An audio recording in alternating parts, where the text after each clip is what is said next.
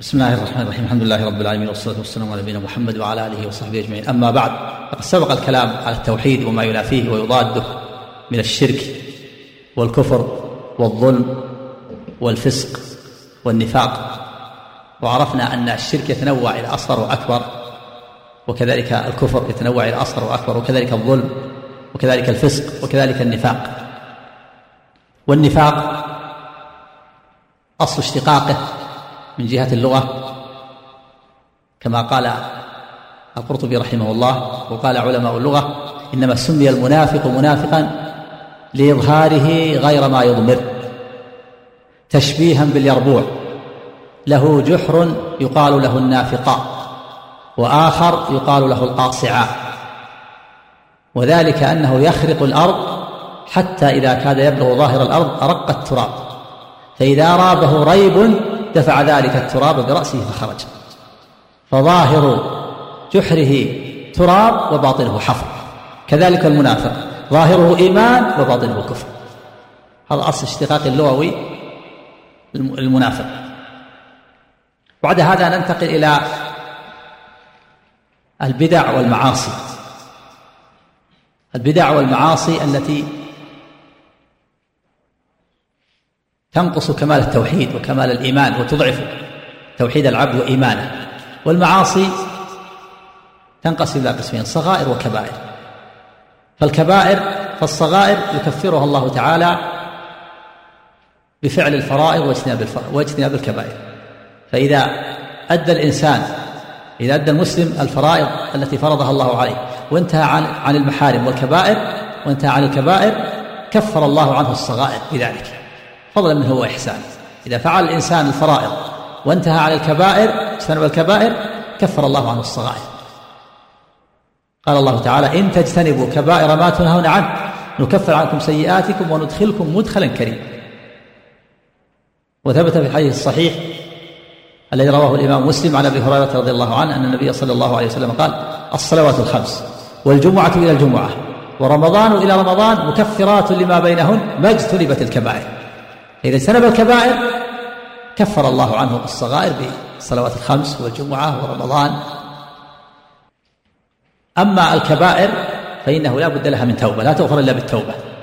والكبائر اختلف العلماء فيها وأصح ما قيل في تعريف الكبيرة وأنها كل ذنب توعد عليه بالنار أو اللعنة أو الغضب. قال بعضهم أو نفي عن صاحبه الإيمان في الدنيا أو وجب فيه حد في الدنيا. مثل أكل الربا مثل الزنا مثل السرقة مثل شرب الخمر مثل عقوق الوالدين مثل قطيعة الرحم مثل الغيبة والنميمة هذه كلها كبائر. لا تغفر بفعل الفرائض كالصغير بل هي تحت مشيئة الله. صاحبها تحت مشيئة الله. ليست كالشرك كالشرك. قال الله تعالى إن الله لا يغفر أن يشرك به ويغفر ما دون ذلك لمن يشاء. فإذا مات صاحبها من غير توبة فهو تحت مشيئة الله. إن شاء ربنا سبحانه وتعالى غفر له غفر له بتوحيده وإيمانه وإسلامه وأدخله الجنة من أول وهلة وإن شاء ربنا سبحانه وتعالى عذبه بقدر جريمته ومعصيته ثم في النهاية يخرج من النار بشفاعة الشافعين أو برحمة أرحم الراحمين. هذا الكبائر. وإذا اجتنب الإنسان الكبائر وأدى الفرائض فهذا موعود بدخول الجنة من أول وهلة. وإذا فعل الكبائر ومات عليه من غير توبة فهو على خطر من دخول النار. وعلى خطر وعلى خطر. من من أن يعذب في قبره وعلى خطر من الأهوال التي تصيبه في موقف القيامة وعلى خطر من دخول النار. فهو تحت مشيئة الله. لكن الكبيرة لا تخرج الإنسان من ملة الإسلام بل يكون ناقص الإيمان وضعيف الإيمان. يقال مؤمن بإيمانه فاسق بمعصيته أو كبيرته ناقص الإيمان. لا تخرجه من الملة ولا تحبط جميع الأعمال لا تحبط أعماله تبقى أعماله مسلم. ولا يخلد في النار. وهو تحت مشيئة الله. لا يخلد في النار ولا يخرج من الملة ولا تحبط أعماله وهو تحت مشيئة الله. إن شاء ربنا سبحانه غفر له وإن شاء عذبه في النهاية في النهاية مآله إلى الجنة. والسلامه ولو مكث مدة طويلة. بعض العصاة يمكثون في النار مدة طويلة عصاة الموحدين ثم يخرجون منها. فإذا خرج العصاة ولا يبقى منهم أحد بشفاعة الشافعين وبرحمة الرحمين أطبقت النار على الكفرة. فلا يخرجون منها أبدا أبدا إنها قال الله إنها عليهم مؤصلة يعني مطبقة مغلقة. لا يخرج منها. جميع أنواع الكفرة جميع أصنافهم اليهود والنصارى والمنافقين والوثنيين وغيرهم. أما البدع فهي أشد من الكبائر. والبدع أشد من الكبائر وهي أحب إلى الشيطان من المعصية. لأن صاحب البدعة يظن أنه على حق وعلى صواب فلا يتوب. بخلاف العاصي الزاني والسارق والسارق يعرف أنه عاصي فيعلم أنه عاصي. فقد يوفق للتوبة. أما المبتدع ما ما يعترف بأنه على على خطأ. ففي الغالب أنه لا يتوب. والبدعة كثيرة. بدع تكون في في الصلوات في الأذكار. في الوضوء وما أشبه ذلك. مثلا يتلفظ بالنية في الصلاة نويت أن أصلي خلف هذا الإمام. يأتي بأذكار بعد غسل اليدين وغسل الوجه ليس لها أصل. من البدع بدعة المولد. وأشد البدع البدع التي تكون في باب الأسماء والصفات في باب أسماء الله تعالى وصفاته. هذه أعظم البدع وأشدها. وهي تنقسم إلى قسمين بدعة مكفرة وبدعة غير مكفرة. يعني قد قد توصل البدعة إلى الكفر. وهذه حكمها حكم حكم المبتدع الذي وصلت بدعته إلى الكفر حكم حكم الكافر كما سبق. وأما البدعة التي لا توصل إلى الكفر فهذه حكم حكم أهل الكبائر. حكم صاحبها حكم أهل الكبائر. تحت مشيئة الله. مسلم مؤمن ضعيف الإيمان ناقص الإيمان تحت مشيئة الله. لكن الكبيرة أشد. أشد من المعصية. أشد من الكبيرة.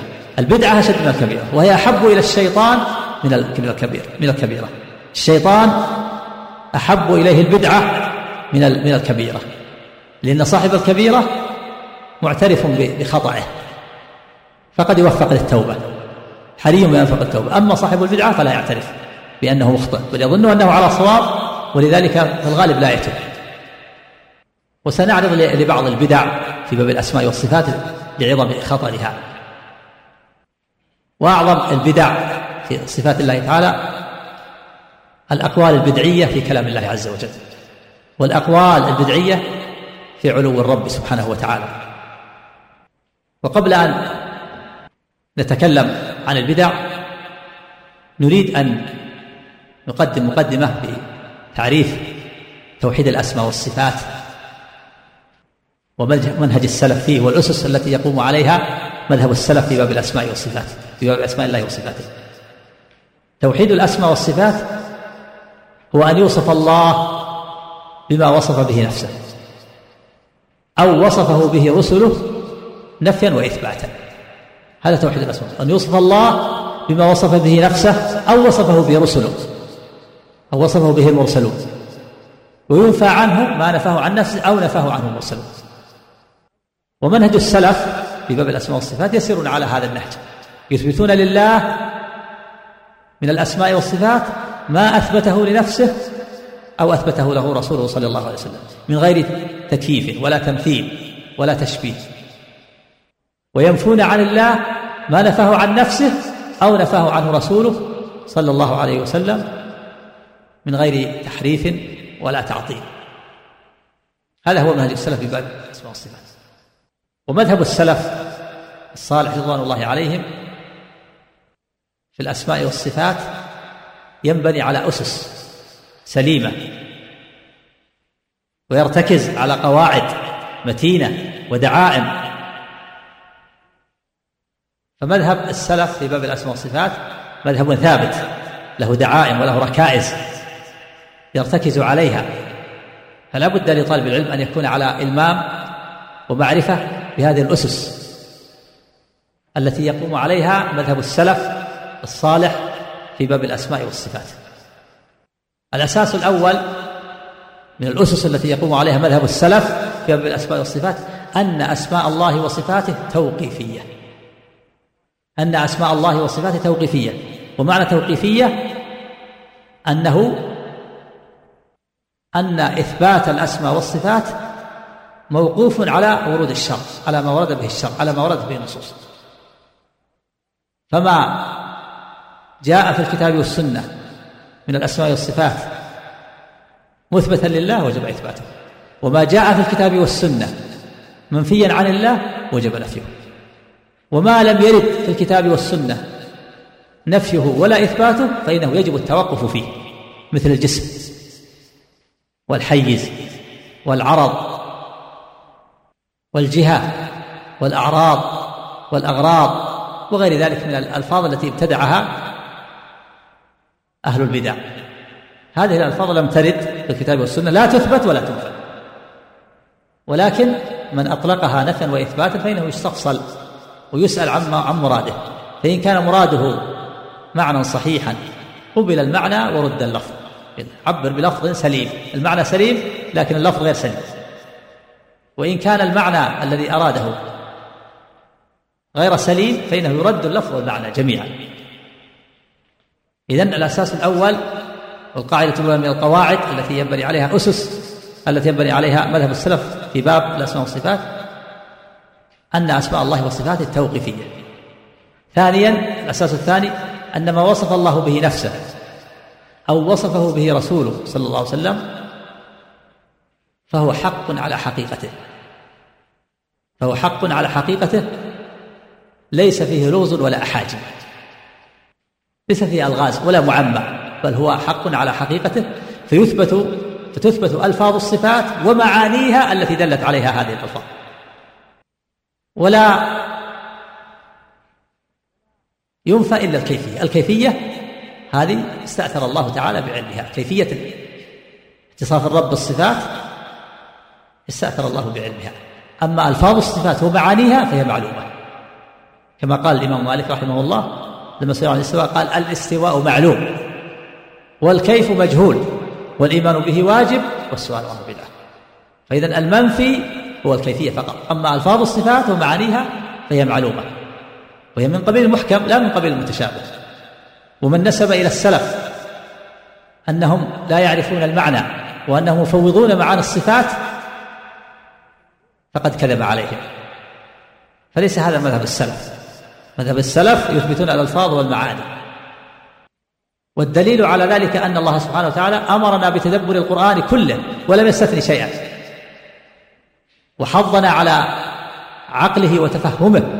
قال الله تعالى أفلا يتدبرون القرآن أم على قلوب أقفالها؟ أفلا يتدبرون القرآن ولو كان من عند غير الله لوجدوا فيه اختلافا كثيرا. قال سبحانه وقال سبحانه كتاب أنزلناه إليكم مبارك. ليدبروا آياته وليتذكر أولو الألباب. ولم يقل إلا آيات الصفات لا تتدبروها فإن معانيها غير معلومة. معانيها معلومة. نعرف أن السمع السمع غير البصر والعلم ضد الجهل والاستواء معناه معرفة معناه الاستقرار والصعود والعلو والارتفاع هذا معناه اللغة. لكن كيفية استواء الرب هذا مجهول لنا لا يعلمه إلا هو. كيفية علمه. كيفية سمعه كيفية بصره الكيفية المنفية. القاعدة الثالثة والأساس الثالث من الأسس التي يقوم عليها مذهب السلف في باب الأسماء والصفات أن إثبات الصفات لله إثبات بلا تمثيل بلا تمثيل للصفات ولا تكييف لها. أنا أقول إن صفات الله مثل كذا أو كيفيتها كذا. لأن الكلام في الصفات فرع عن الكلام في الذات. فكما أن لله ذاتا لا تشبه الذوات فله صفات لا تشبه الصفات. فإثبات الصفات لله إثبات بلا تمثيل ولا تكييف. الأساس الرابع أن تنزيه الله عن النقائص والعيوب تنزيه بلا تعطيل. تنزيه الرب سبحانه وتعالى عن النقائص والعيوب. تنزيه بلا نفي للصفات ولا تعطيل لها ولا تأويل لمعانيها ولا تحريف لألفاظها. عما دلت عليه عما دلولها الذي دلت عليه. فالسلف الصالح لم يغلوا في الإثبات ولم يغلوا في النفي. تجنبوا الغلو في الإثبات فلم يصلوا إلى التشبيه. وتجنبوا الغلو في النفي فلم يصلوا إلى التعطيل. فهم وسط بين التشبيه والتعطيل. فسلموا من الإفراط والتفريط. الأساس الخامس أن الإجمال يكون في النفي والتفصيل يكون في الإثبات. فالسلف يثبتون الصفات لله تعالى على وجه التفصيل. وأما النفي نفي نقائص والعيوب فإنهم ينفونها عن الله على وجه الإجمال. كما في آية الكرسي. كما في قل هو الله أحد. الله لا إله إلا هو الحي القيوم. لا تأخذه سنة ولا نوم. أثبت الحي القيوم. قل هو الله أحد الله الصمد. فالإثبات يكون تفصيل. تثبت جميع الصفات. تثبت العلم القدرة السمع البصر الكلام. الرضا الغضب العزة العظمة الكبرياء نثبتها نفصل نثبت جميع الصفات والأسماء التي وردت في الكتاب والسنة. أما النفي فإننا ننفي على وجه الإجماع كما نفى الله كما نفى الله ذلك عن نفسه. قال سبحانه لم يكن له كفوا أحد. هذا مجمل. لا تضربوا لله الأمثال. هل تعلم له سميا؟ ويجب أن يعلم أن النفي الوارد في باب الأسماء والصفات ليس هو النفي المحض الصرف. وإنما هو النفي الذي يتضمن إثبات ضده من الكمال. كما في قوله سبحانه لا تأخذه سنة ولا نوم لكمال حياته وقيوبيته. لا يعزب عنه مثقال ذرة في السماوات والأرض لكمال علمه ولا يؤوده حفظهما لكمال قوته واقتداره. لا تدركه لا تدركه الأبصار لكمال عظمته وأنه أكبر من كل شيء. فليس نفيا محضا لكن يتضمن إثبات ضده من الكمال. فنفي السنة والنوم لكمال حياته وقيوميته. ولا يؤوده حفظهما لكمال قوته واقتداره. سبحانه وتعالى. لا يعزم عنه مثقال ذرة في السماوات والأرض لكمال علمه وهكذا. فالنفي ليس نفيا صرفا ولكنه نفي يتضمن إثبات ضده من الكمال بخلاف النفي الصرف المحض فإنه لا مدح فيه. النفي الصرف المحض لا مدح فيه لأنه يوصف به المعدوم والمعدوم لا يمدح. وهذا مثل قول الشاعر يذم قبيلة من القبائل يقول قبيلة لا يغدرون بذمة ولا يظلمون الناس حبة خردل. فهو ينفي يقول لا يظلمون الناس لا يغدرون بالذمة ولا يظلمون الناس حبة خردل.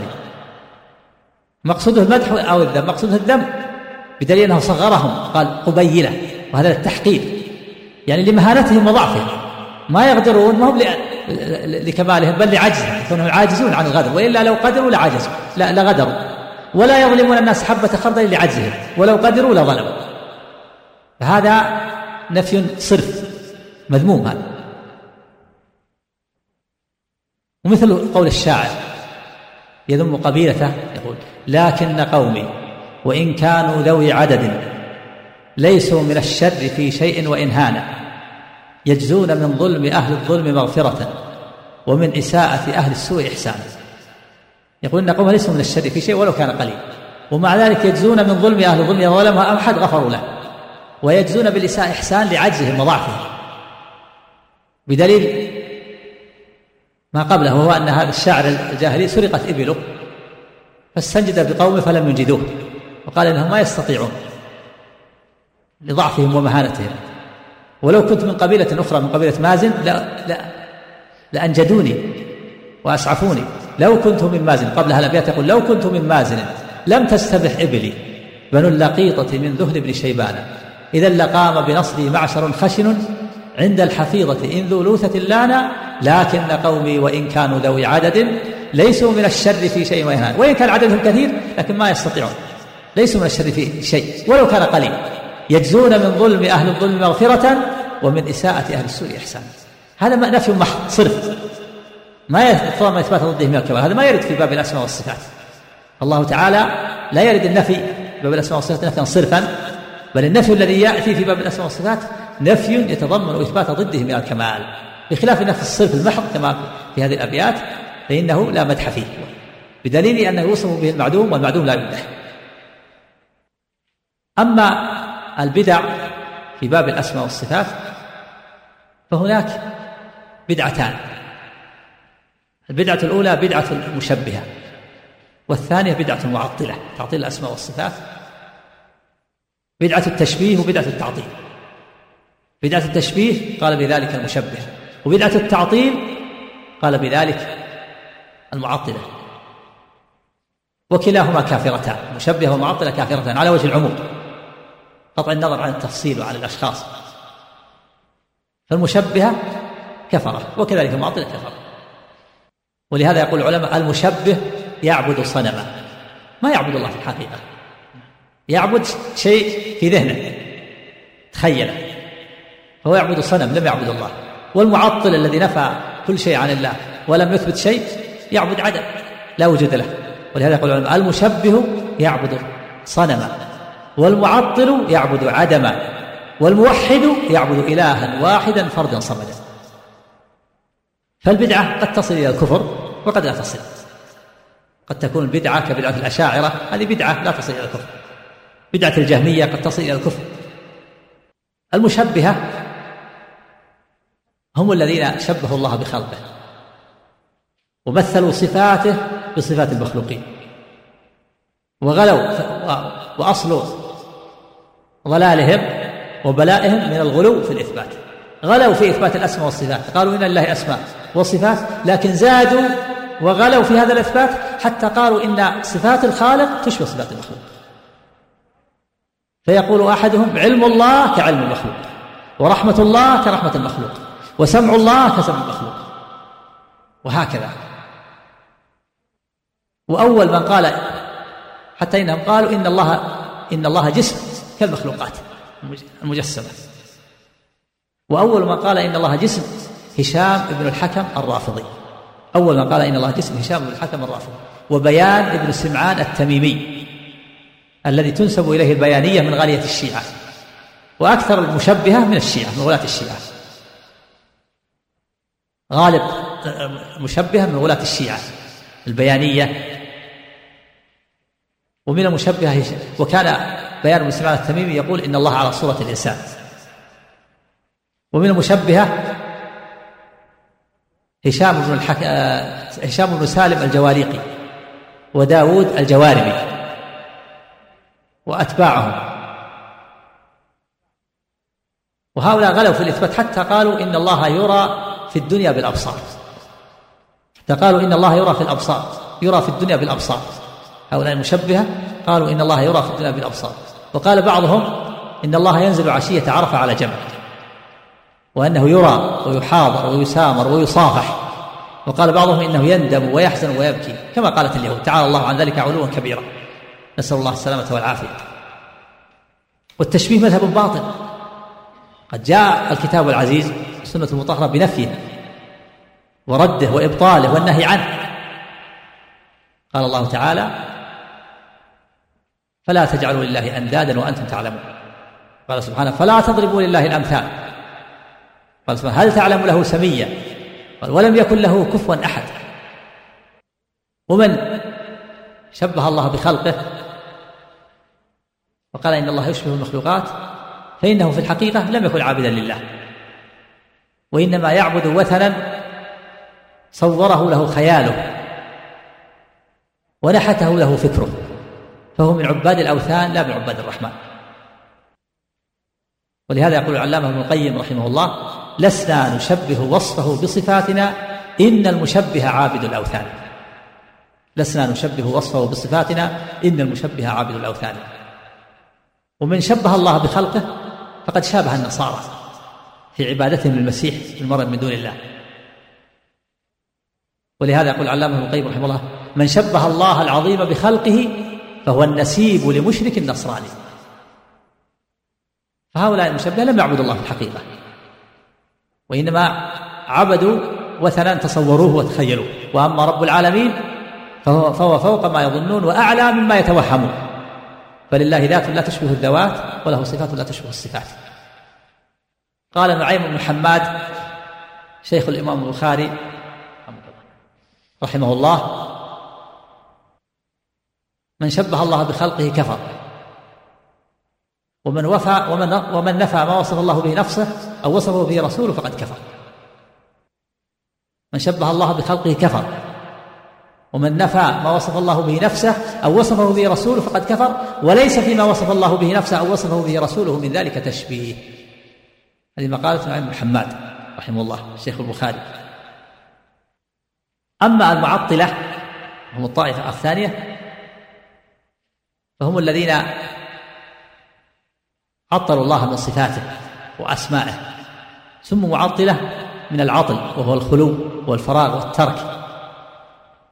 ومنه قوله تعالى وبئر معطلة إذا خلت من النزح من الماء من الدلاء.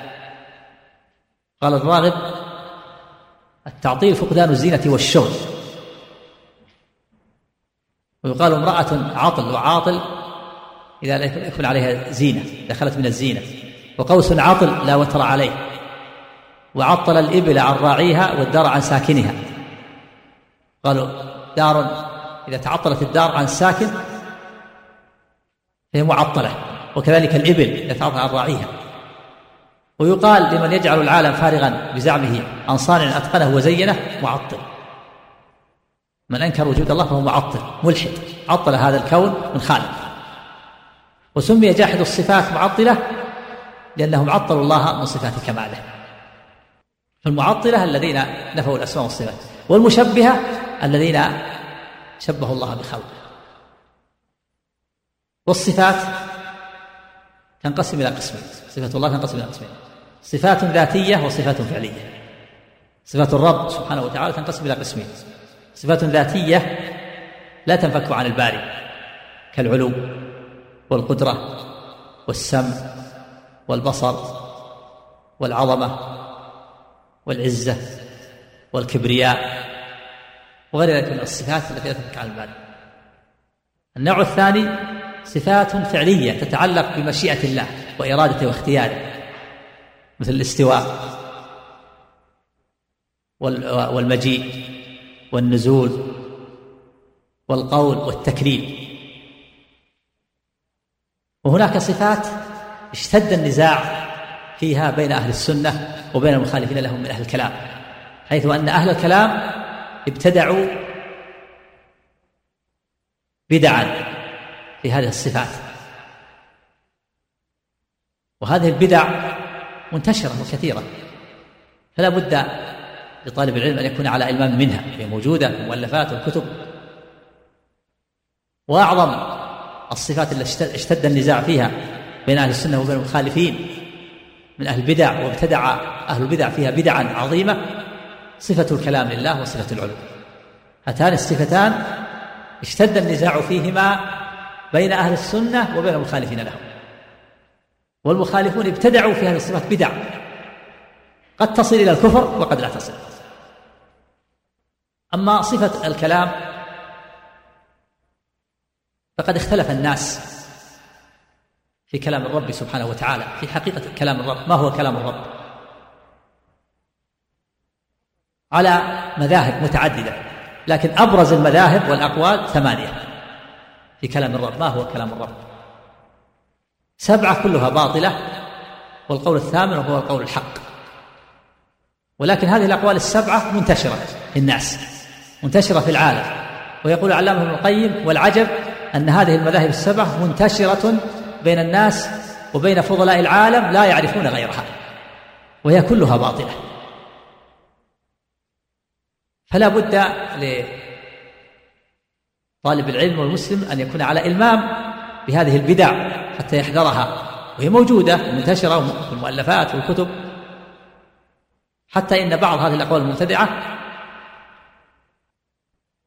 تنسب ل بعض بعض هذه الأقوال المبتدعة يقولها غير المسلمين لكنهم ينتسبون إلى الإسلام. القول الأول في المراد بكلام الله وهو أشدها وأعظمها وأفسدها وأعظمها خطرا. القول بأن كل كلام يسمع في الوجود فهو كلام الله. يقولون كل كلام يسمع في الوجود فهو كلام الله. سواء تكلم به إنسان أو حيوان أو طير أو دابة وسواء كان حقا أو باطلا وسواء كان شعرا أو نثرا جميع ما يسمع في الوجود فهو كلام الله. وهذا مذهب الاتحادية القائلين بوحدة الوجود. وهؤلاء أكثر أهل الأرض. معلوم أن هؤلاء كفار فكيف نأتي بقولهم؟ لأن الاتحادية الآن ينسبون إلى الإسلام بل إنهم يقولون إنهم هم العارفون. رئيسهم ابن عربي يقول رئيس العارفين وهناك من يقدسهم ويعظمهم ويحترمهم ويرى أنهم هم أهل الحق.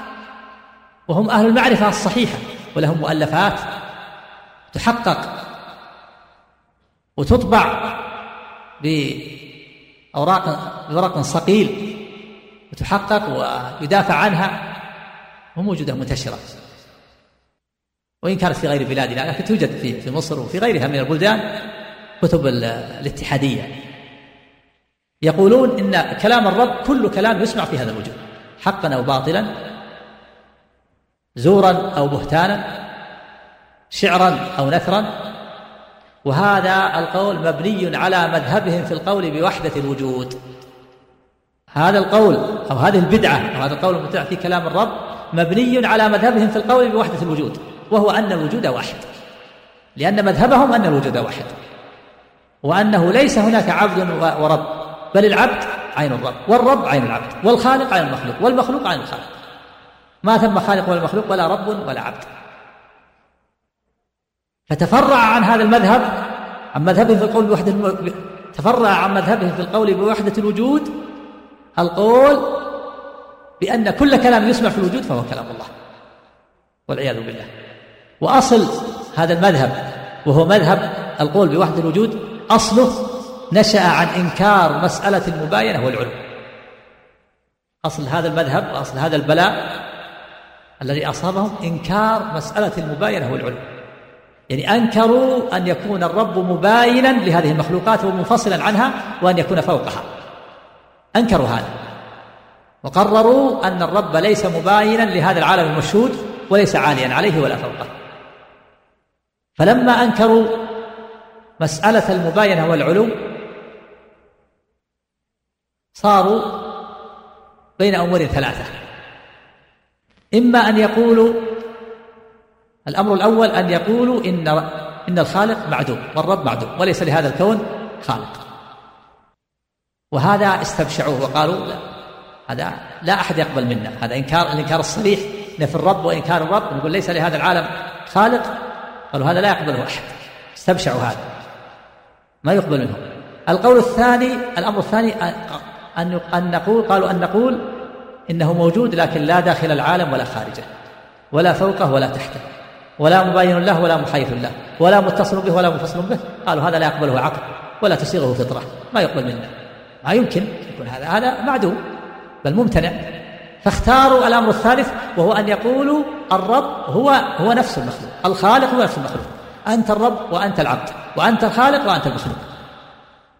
اختاروا هذا القول الذي فيه تلبيس وكسوه ب وحلوه بشيء من من الحق حتى راجع أمره على ضعفاء البصائر.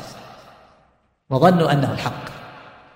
هم يقول نحن ما ننكر الخالق لكن الخالق هو المخلوق والرب هو العبد.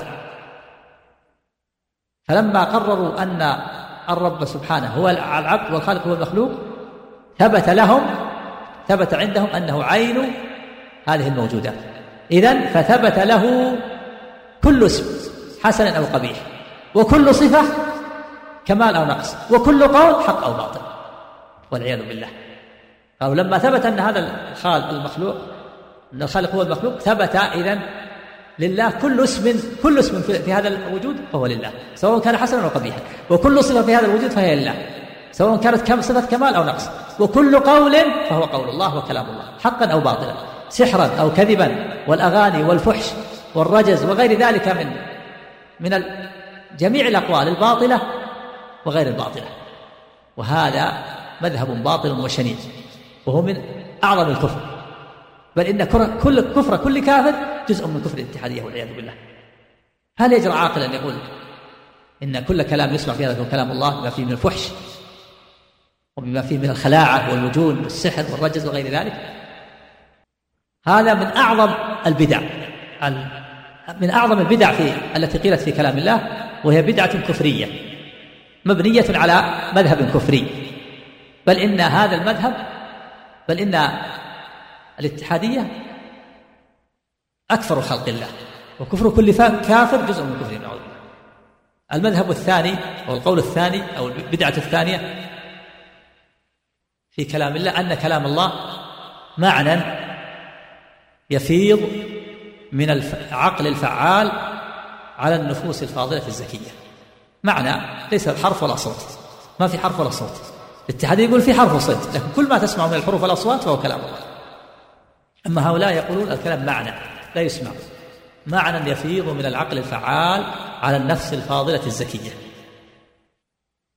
فيحصل لها تصورات وتصديقات بحسب ما قبلته منه وهذا مذهب الفلاسفة المتأخرين. الفارابي وابن سينا تبعا لمعلمهم الأول إرسطو. وقد يتبعهم بعض المتصوفة يقولون الكلام معنى. معنى يفيض. يفيض على من العقل الفعال على النفس الفاضلة الزكية. والنفس الفاضلة هي نفوس الأنبياء. الأنبياء نفوس شريفة فاضلة زكية صافية. فيحصل لها تصورات وتصديقات بحسب قبولها من هذا المعنى. تختلف. على حسب صفائها واستعدادها. ونقائها فيحصل لها تصورات وتصديقات بحسب ما قبلت منه وهذا المذهب مذهبهم في الكلام مبني على مذهبهم في القول بقدم العالم وأن العالم قديم ليس حادثا وليس له أول ولا بداية بل هو قديم كقدم الله. وهذا معناه معناه القول بإنكار وجود الله. من قال إن العالم قديم فقد أنكر وجود الله. قال إن العالم قديم ليس له أول ولا بداية وهم يقولون هكذا.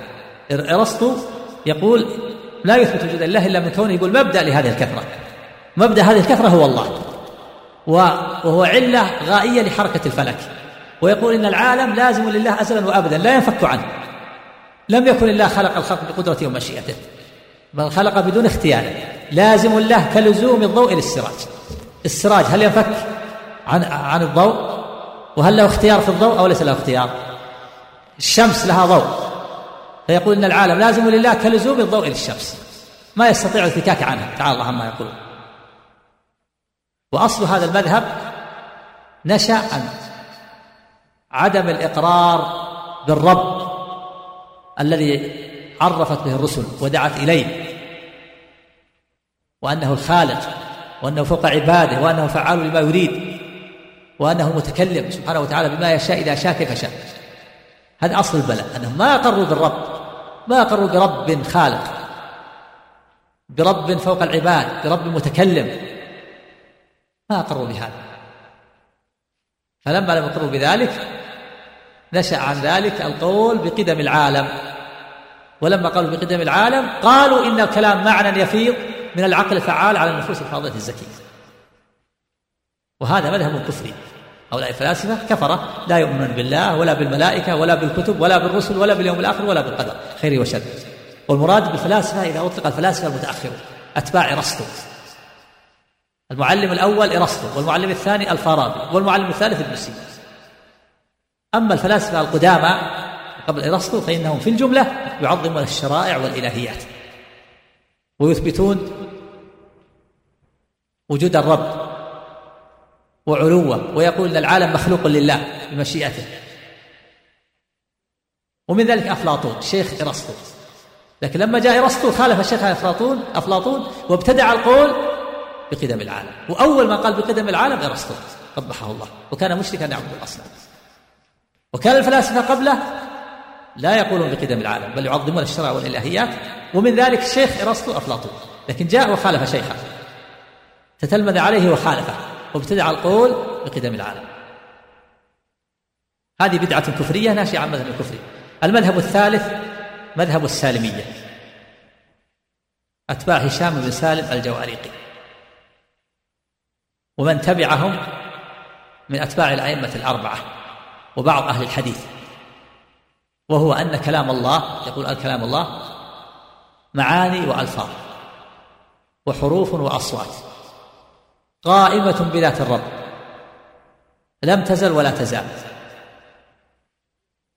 فالكلام حروف ومعاني وألفاظ ومع ألفاظ ومعاني وحروف وأصوات مسموعة. لم تزل ولا تزال لكن الكلام لا يتعلق بقدرة الرب ومشيئته لا يتكلم بقدرته ومشيئته بل الكلام لازم لله ازلا وابدا. لا يتعلق بالقدرة والمشيئة. بل الرب لم يزل ولا يزل يتكلم. والحروف وكلام الرب حروف وأصوات لكن الحروف حروف كلمات الرب لا يسبق بعضها بعضا بل هي مقترنة. فمثلا بسم الله الرحمن الرحيم يقولون ما يقولون إن السين بعد الباء والميم بعد السين يقول بل الحروف الحروف مقترنة. دفعة واحدة يتكلم الرب بها دفعة واحدة الباء مع السين مع الميم. لكن بالنسبة لسمع الإنسان تسمعها متعاقبة مرتبة. تسمعها متعاقبة لكن الرب تكلم بها دفعة واحدة. ولهذا تسمى هذه الطائفة بالاقترانية لأن يقول الحروف مقترنة ليست متعاقبة يسمون بالسالمية والاقترانية وهذا المذهب مبني على القول بأن الكلام لا بد أن يقوم بالمتكلم. وبأن الحوادث بأن الرب ليس محلا للحوادث قالوا الكلام لا بد أن يقوم بالمتكلم. فالله يتكلم لم يزل ولا يزال. بحروف وأصوات وألفاظ ومعاني وكلام الله نوعان بواسطة وبغير واسطة. بواسطة كما نحن يسمع الصحابة كلام الرسول صلى الله عليه وسلم. كلام الله بواسطة الرسول عليه الصلاة والسلام. وبغير واسطة كما سمع موسى كلام الله وكما سمعه نبينا صلى الله عليه وسلم ليلة المعراج. لكن الرب لا لا يتكلم بقدرته ومشيئته الرب لم يزل يتكلم. منذ الأزل يتكلم قد سمع الله قول التي تجادلك في زوجها قد سمع الله قول التي تجادلك في زوجها. ليس بقدرته ومشيئته والحروف مقترنة. قالوا لأن الكلام لا بد أن يكون بالمتكلم ولأن الله محلا للحوادث ليس محلا للحوادث. فلو قلنا إن الرب يتكلم إذا شاء معناه حدث الكلام في ذاته. والذي يحدث الكلام في ذاته هو المخلوق. المخلوق هو الذي يكون محل الحوادث. أما الرب فليس محلا للحوادث وكذلك قالوا لو قلنا إن الحروف متعاقبة من السين بعد الباء للزم من ذلك أن تحدث. يحدث الحرف في ذاته. ففرارا من ذلك قالوا إن الحروف متعاقبة. وهذا مذهب باطل. مذهب فاسد. هذه بدعة في باب كلام الرب. لأن لأن الكلام صفة كمال. وإذا لم يكن الرب متكلما بقدرته ومشيئته هذا تعطيل لله من الكمال. تعطيل لله من الكمال. ولأن الكلام الذي يعرفه العقل ويشهد به الشرع هو الكلام الذي يكون بقدرة المتكلم ومشيئته. وقولهم إن الحروف مقترنة السين مع الميم مع الباء وليست متعاقبة هذا تخليط وهذيان مخالف للحس للحس والفطرة. لا تقبله فطرة. وتصوره كاف في الجزم بفساده. لأن الكلمة إذا كانت مركبة من حرفين فالحروف الحرف الثاني لا بد أن يكون بعد الحرف الأول. ولا وجود للحروف أصلا بدون التعاقب. وعلى ذلك تصل إلى الآذان فتسمعها وتميزها. فهذه بدعة في كلام الرب عند هؤلاء. وهو قولهم إن الكلام لا يتعلق بمشيئته. أما قولهم ألفاظ ومعاني وحروف وأصوات هذا حق. لكن قولهم لا يتعلق بقدرة مشيئته وقوله إن الحروف مقترنة. هذا باطل. المذهب الرابع مذهب الكرامية.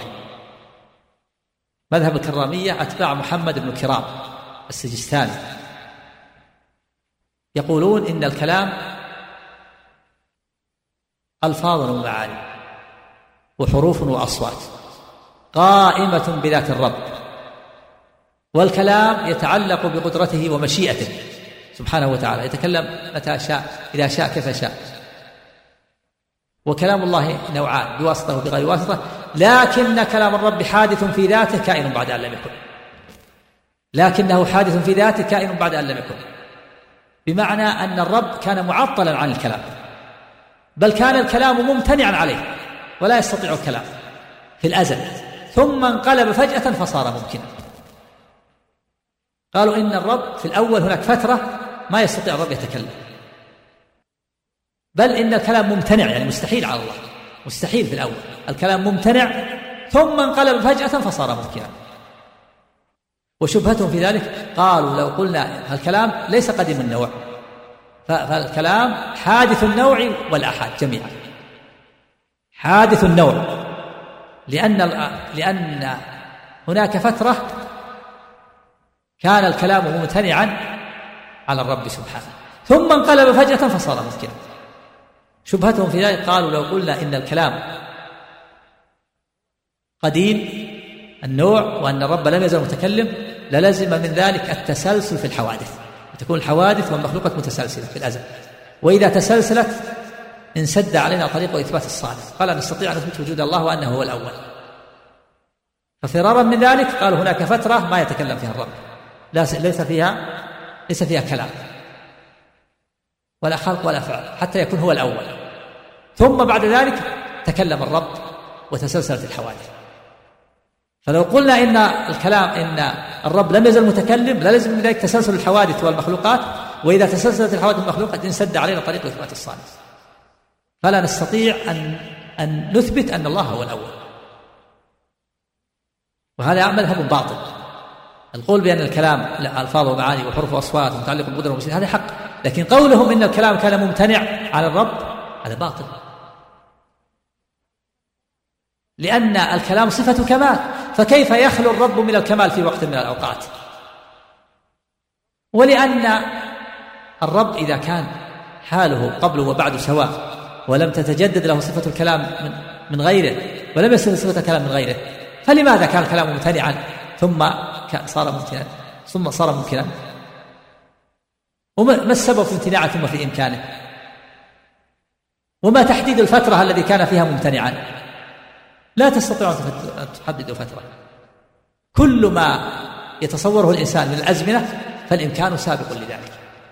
هذا كلام باطل. أما الشبهة قولهم إنه يلزم تسلسل الحوادث نقول الرب فعال وخلاق قال الله تعالى إن ربك فعال لما يريد. إن ربك هو الخلاق العليم. فالرب لم يزل خلاق وفعال والخلق والفعل صفة كمال فلا يعطل الرب من هذا الكمال في وقت من الأوقات. وأما أما إثبات الفترة وأن هناك فترة لا دليل عليه. تثبتون فترة معطل فيها الرب من الكلام والخلق لا دليل عليه. ونحن نقول إن كل مخلوق من المخلوقات كل فرد من أفرادها مسبوق بالعدم. ليس له من نفسه وجود ولا عدم. الله أوجده بعد أن كان عدما. ولا يلزم من ذلك أن نثبت فترة بل كل فرد من أفراد المخلوقات مسبوق بالعدم. ووجوده والله تعالى أوجده بعد أن كان معدوما ويكفي هذا أما أن نثبت فترة يعطل فيها الرب فهذا لا دليل عليه وهو باطل. فإذا هؤلاء الكرامية وجه الغلط كونهم أثبتوا فترة عطلوا فيها الرب على الكلام. وإلا لو لم يقولوا بالفترة هذه لصار مذهبهم يوافق مذهب أهل السنة. المذهب الخامس مذهب الكلابية. أتباع عبد الله بن سعيد بن كلاب عبد الله بن سعيد بن كلاب كلاب لقوة حجته وجداله اسمه كلاب. عبد الله بن سعيد بن كلاب يقولون إن الكلام معنى قائم بنفس الرب ليس بحرف ولا صوت. الكلام معنى معاني قائمة بنفس الرب وليس بحرف ولا صوت. والكلام لازم لذات الرب كلزوم العلم ولزوم الحياة والسمع والبصر. وهو أربع معاني في نفسه أربع معاني الأمر والنهي والخبر والاستفهام.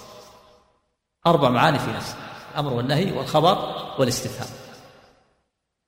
أما الحروف والأصوات فليست من كلام الله. ليس كلام الله حرف ولا صوت. بل الحروف والأصوات حكاية عن كلام الله دالة عليه. وأما الكلام فليس بحرف ولا صوت. ولا يسمع الكلام بل الكلام معنى قائم بنفس الرأي معنى قائم بنفسه. لكن هذه الحروف والأصوات حكاية عن كلام الله تدل عليه. حكاها جبريل أو حكاها محمد. وهو أربع معاني في نفسه الأمر والنهي والخبر والاستفهام. وهذا مذهب باطل. لأن القول بأن بأن الحروف والأصوات حكاية له. لو كان الحرف والأصوات حكاية له لوجب أن تماثل الحرف والصوت المعنى. لأن حكاية الشيء يكون يكون مماثلا له. تقول حكيت الحديث بعينه إذا رويته بغير زيادة ولا نقصان غير زيادة لفظ ولا تقديم ولا تأخير. والحروف والأصوات مختلفة عن المعنى. وثانيا يلزم على قولكم من الحروف والأصوات حكاية لكلام الله أن أن صفات الله محكية وهذا تشبيه. ولو كانت الحروف والأصوات ثالثا لو كانت الحروف والأصوات حكاية عن كلام الله للزم من ذلك أن يكون الخلق أتوا بمثل كلام الله. فأين عجزهم؟ وحينئذ يبطل تحديهم وقد تحدى الله البشر أن يأتوا بمثل هذا القرآن. فقال قل لئن اجتمعت الإنس والجن على أن يأتوا بمثل هذا القرآن لا يأتون بمثله ولو كان بعضهم لبعض ظهيرا. فإذا كان الحروف والأصوات حكاية الله معناه بطل التحدي. فيكون الناس قد أتوا بمثل كلام الله. وأيضا يلزمكم أن يحكى بحرف وصوت ما ليس بحرف ولا صوت. كيف يحكى بحرف وصوت ما ليس بحرف ولا صوت؟ الكلام معنى. والحروف والأصوات حروف وأصوات فكيف يحكى بحرف وصوت ما ليس بحرف ولا صوت. هذا مذهب باطل. المذهب الثالث مذهب الأشاعرة. وهو قريب من مذهب الكلابية وهو مذهب منتشر. ومنتشر يقولون إن الكلام معنى واحد قائم بنفس الرب. ليس بحرف ولا صوت كما يقول كلابية معنى واحد ليس بحرف ولا صوت. ولا ينقسم هذا المعنى ولا يتبعض ولا يتعدد ولا يتكثر ولا يتجزأ. لا ينقسم بنوع ولا جزء. والحروف والأصوات عبارة تدل عليه. كل بها يقول الحكاية وهو لا يقول العبارة. عبارة تدل عليه. فالقرآن الذي في المصحف عند الأشاعرة يقولون هذا عبارة عن كلام الله. عبر به جبريل أو محمد. أما كلام الله معنى في نفسه ما يسمع. لازم لذات الرب. ولكن يسمى ما في المصحف كلام الله لأن كلام الله تعدى به يسمى مجازا. فالأشاعرة يقولون كلام الله مجازا يطلق كلام الله ويقصدون المجاز لكن عند المناظرة يقول مقصودنا أنه مجاز ما هو بحقيقة. سميناه كلام الله لأن كلام الله تأدى به ولأنه دل على كلام الله وإلا كلام الله في نفسه. هذا مذهب الأشاعرة وهي من الصفات السبعة التي أثبتوها الكلام. الصفات السبعة التي أثبتها الأشاعرة الكلام. ومع ذلك هذا مذهبه. يقول كلام الله معنى واحد. لا يتبعض ولا يتعدد ولا يتجزأ ولا يتكثر. ولا نقول إنه أربعة أنواع كما تقول كلابية. أمر ونهي أمر ونهي وخبر واستفهام بل هو معنى واحد. لا ينقسم ولا يتبعض ولا يتجزأ ولا يتكثر. والتقسيم إنما هو في العبارات والدلالات والعبارة. فهو معنى واحد. إن عبرت عنه بالعربية فهو القرآن. وإن عبرت عنه بالعبرانية فهي التوراة لغة اليهود. وإن عبرت عنه بالسريانية فهو الإنجيل لغة النصارى وهو واحد. تقسيم في العبارات على حسب العبارة. إن عبرت عن المعنى باللغة العربية فهو القرآن. وإن عبرت عنه بالعبرانية فهو التوراة. وإن عبرت عنه بالسريانية فهو الإنجيل. وكونه أمر ونهي وخبر واستفهام قالوا هذه صفات إضافية لذلك المعنى وهو معنى واحد. لكن له صفات الصفات الإضافية حسن إن عبرت صفته أن يكون أمرا. صفة هذا المعنى قد يكون أمرا ويكون نهيا ويكون خبر كما يكون الشخص له صفات متعددة. فأنت واحد لك صفات متعددة. فأنت إذا نسبت إذا إذا نسبت إلى أبيك فأنت ابن. وإذا نسبت إلى ابنك فأنت أب. وإذا نسبت إلى ابن أخيك فأنت عم. وإذا نسبت إلى ابن أختك فأنت خال. وأنت واحد. أنت واحد خال وعم وابن وأب على حسب الإضافة والنسبة. فكذلك المعنى القرآن كلام الله معنى واحد وكونه أمر ونهي وخبر استفهام هذه صفات إضافية. وكونه توراة وإنجيل وقرآن إنما هو تقسيم للعبارات للعبارات التي تدل عليه. وهذا مذهب كثير من الأحناف. مذهب الأشاعرة كثير من الأحناف. ومذهب كثير كثير من أتباع الأئمة الأربعة من الحنابلة والشافعية. والمالكية وغيرهم أشاعرة هذا مذهبهم هذا مذهب الأشاعرة وهذا المذهب أقرب المذاهب إلى أهل السنة لكن هذا مذهبهم الآن ويقولون إن القرآن هذا الموجود في المصاحف عبارة عن كلام الله.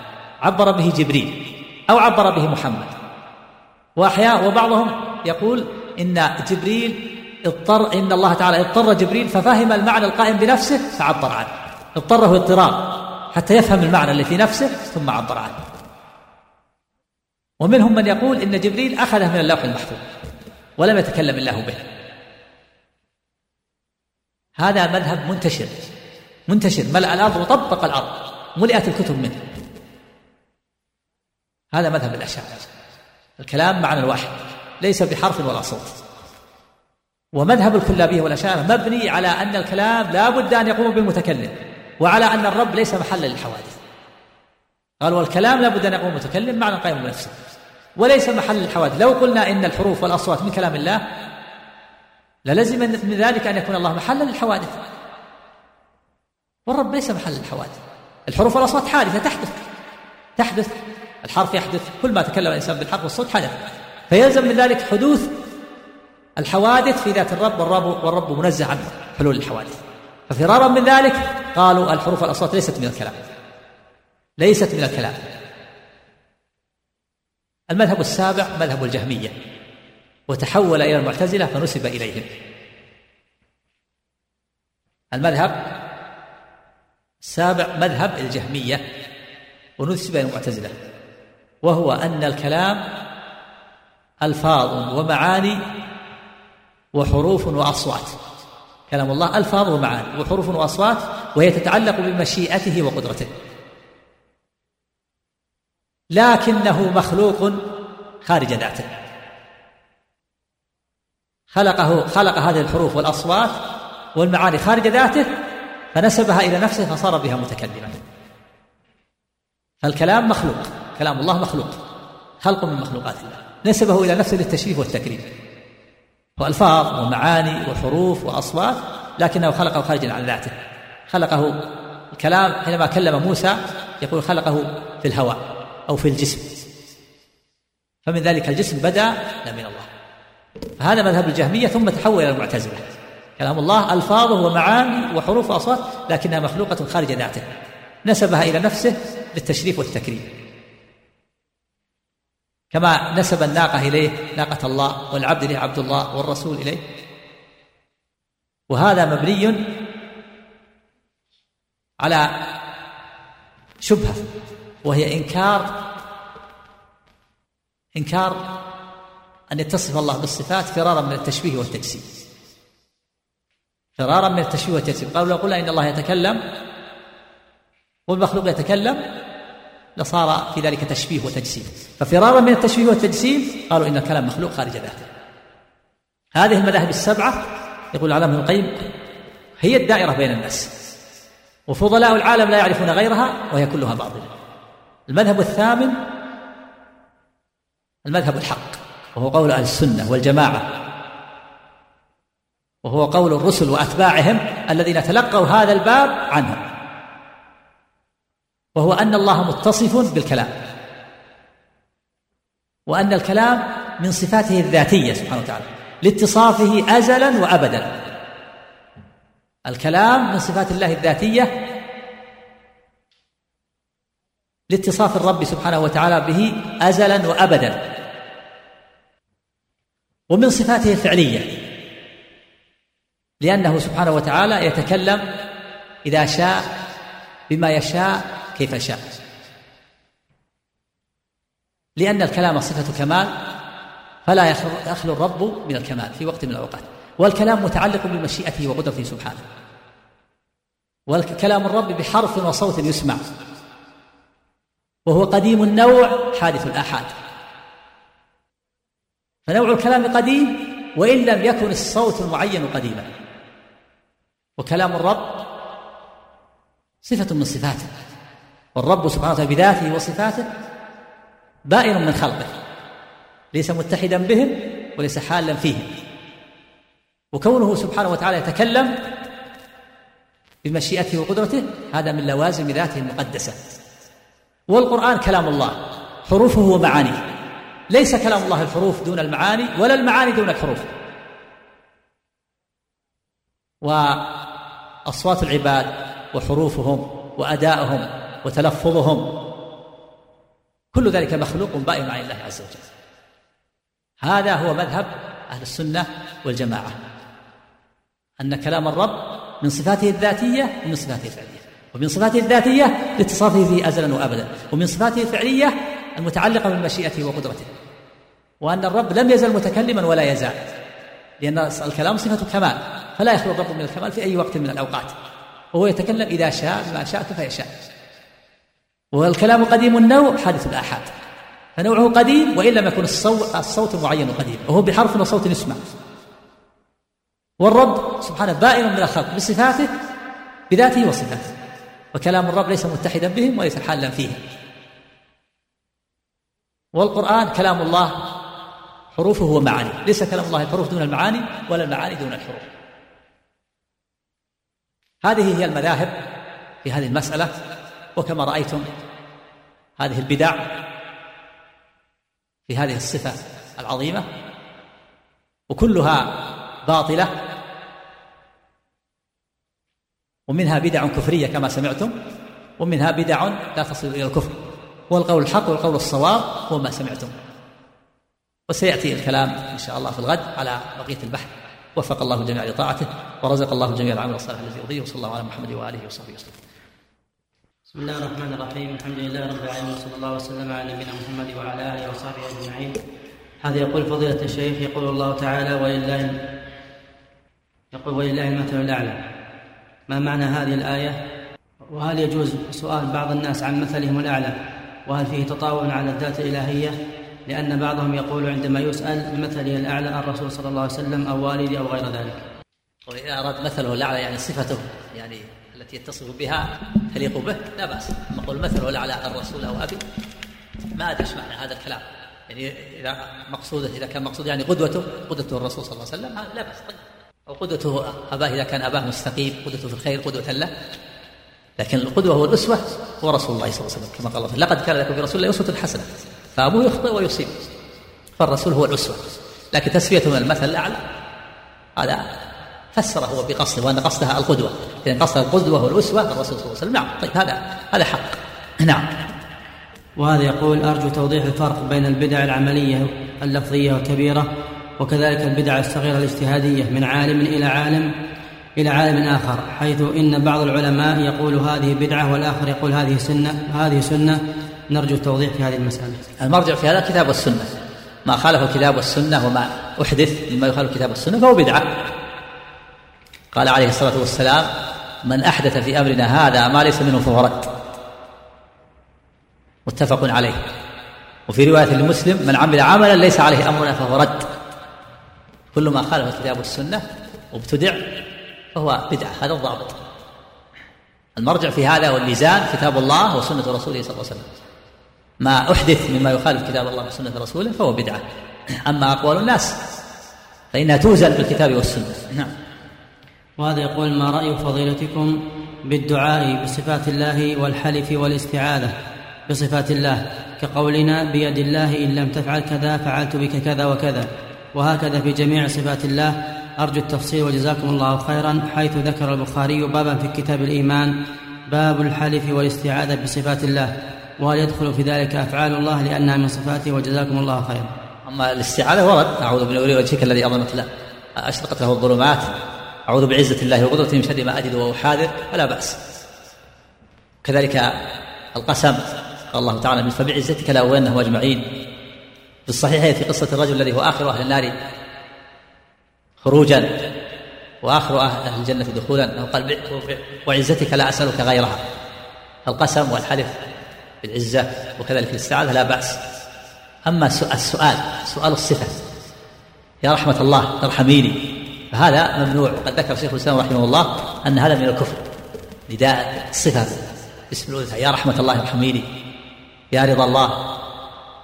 إلى آخره. فهذا ممنوع. سؤال. أما الاستعاذة هذا كما سمعت ورد في نصوص الاستعاذة. أعوذ بعزة الله وقدرته من شر ما أجد واحاذر أعوذ بنور وجهك الذي أشرقت له الظلمات. وكذلك القسم. بعزة الله بكلام الله بقدرة الله. نعم. لكن الدعاء عبادة والعبادة توقيفية لا يتعبد الإنسان إلا بما ورد به الشرط. ولم يرد سؤال سؤال الله الصفة سؤال الصفة وحدها. يا رحمة الله ارحمني ما ورد؟ فلا يتعبد الإنسان إلا بما ورد به الشرع الاستعاذة ورد أعوذ بعزة الله وقدرته من شر ما أجد وأحاذر نعم وهذا يقول كيف يفسر أصحاب وحدة الوجود الذين قالوا إن الخالق هو المخلوق قوله تعالى أم خلقوا من غير شيء أم هم, الخالقون؟ أصحاب وحدة الوجود هؤلاء والعياذ بالله قلنا إنهم من أعظم الناس كفرا وكفر كل كافر جزء من كفرهم. لا يعتبرون القرآن. يعتبرون القرآن ولهذا لما قيل لبعض الصوفية الملاحدة إن القرآن يخالف ما قلتم قال القرآن كله من أوله إلى آخره شرك والحق ما نقوله لهم رموز يفسرون القرآن برموز. العربي له رموز رموز معروفة في القرآن. فهؤلاء لا لا يأخذون بالقرآن ولا يعتبرون القرآن شيء حتى يسألوا عنها لهم رموز يفسرونها. رموز وأشياء خاصة يفسرونها أشياء خاصة بهم. نعم.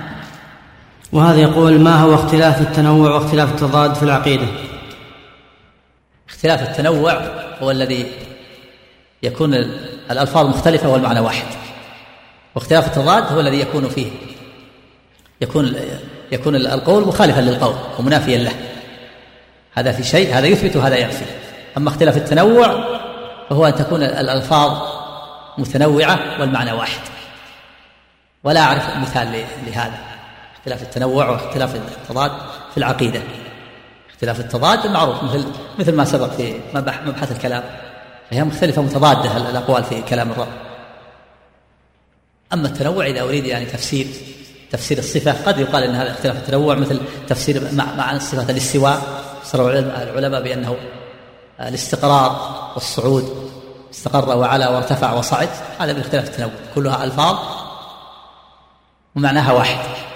ولهذا فسر العلماء بالاستواء بهذه المعاني الأربعة. استقر وعلى وارتفع وصعد. إذا قيل هذا باختلاف تنوع ف... فلا بأس. نعم. وهذا يقول كأنني فهمت منك أنك تقول في مذهب الفرقة السالمية أن من وافقهم هم الأئمة الأربعة فإذا كان هذا الكلام صحيحا فمن هم الأئمة الأربعة؟ وجزاك الله خير ليس فهمك صحيحا. الأئمة الأربعة أبو حنيفة ومالك والشافعي وأحمد. إنما قلت بعض بعض أتباعهم بعض الأتباع بعض الأتباع المتأخرين. قال بهذا القول. لم أقل إن قال به الأئمة الأربعة. بعض أتباع الأئمة الأربعة. بعض الفقهاء المتأخرين. نعم الله أعلم صلى الله عليه محمد وعلى آله وصحبه وفق الله الجميع لطاعته وصلى الله على محمد وآله وصحبه.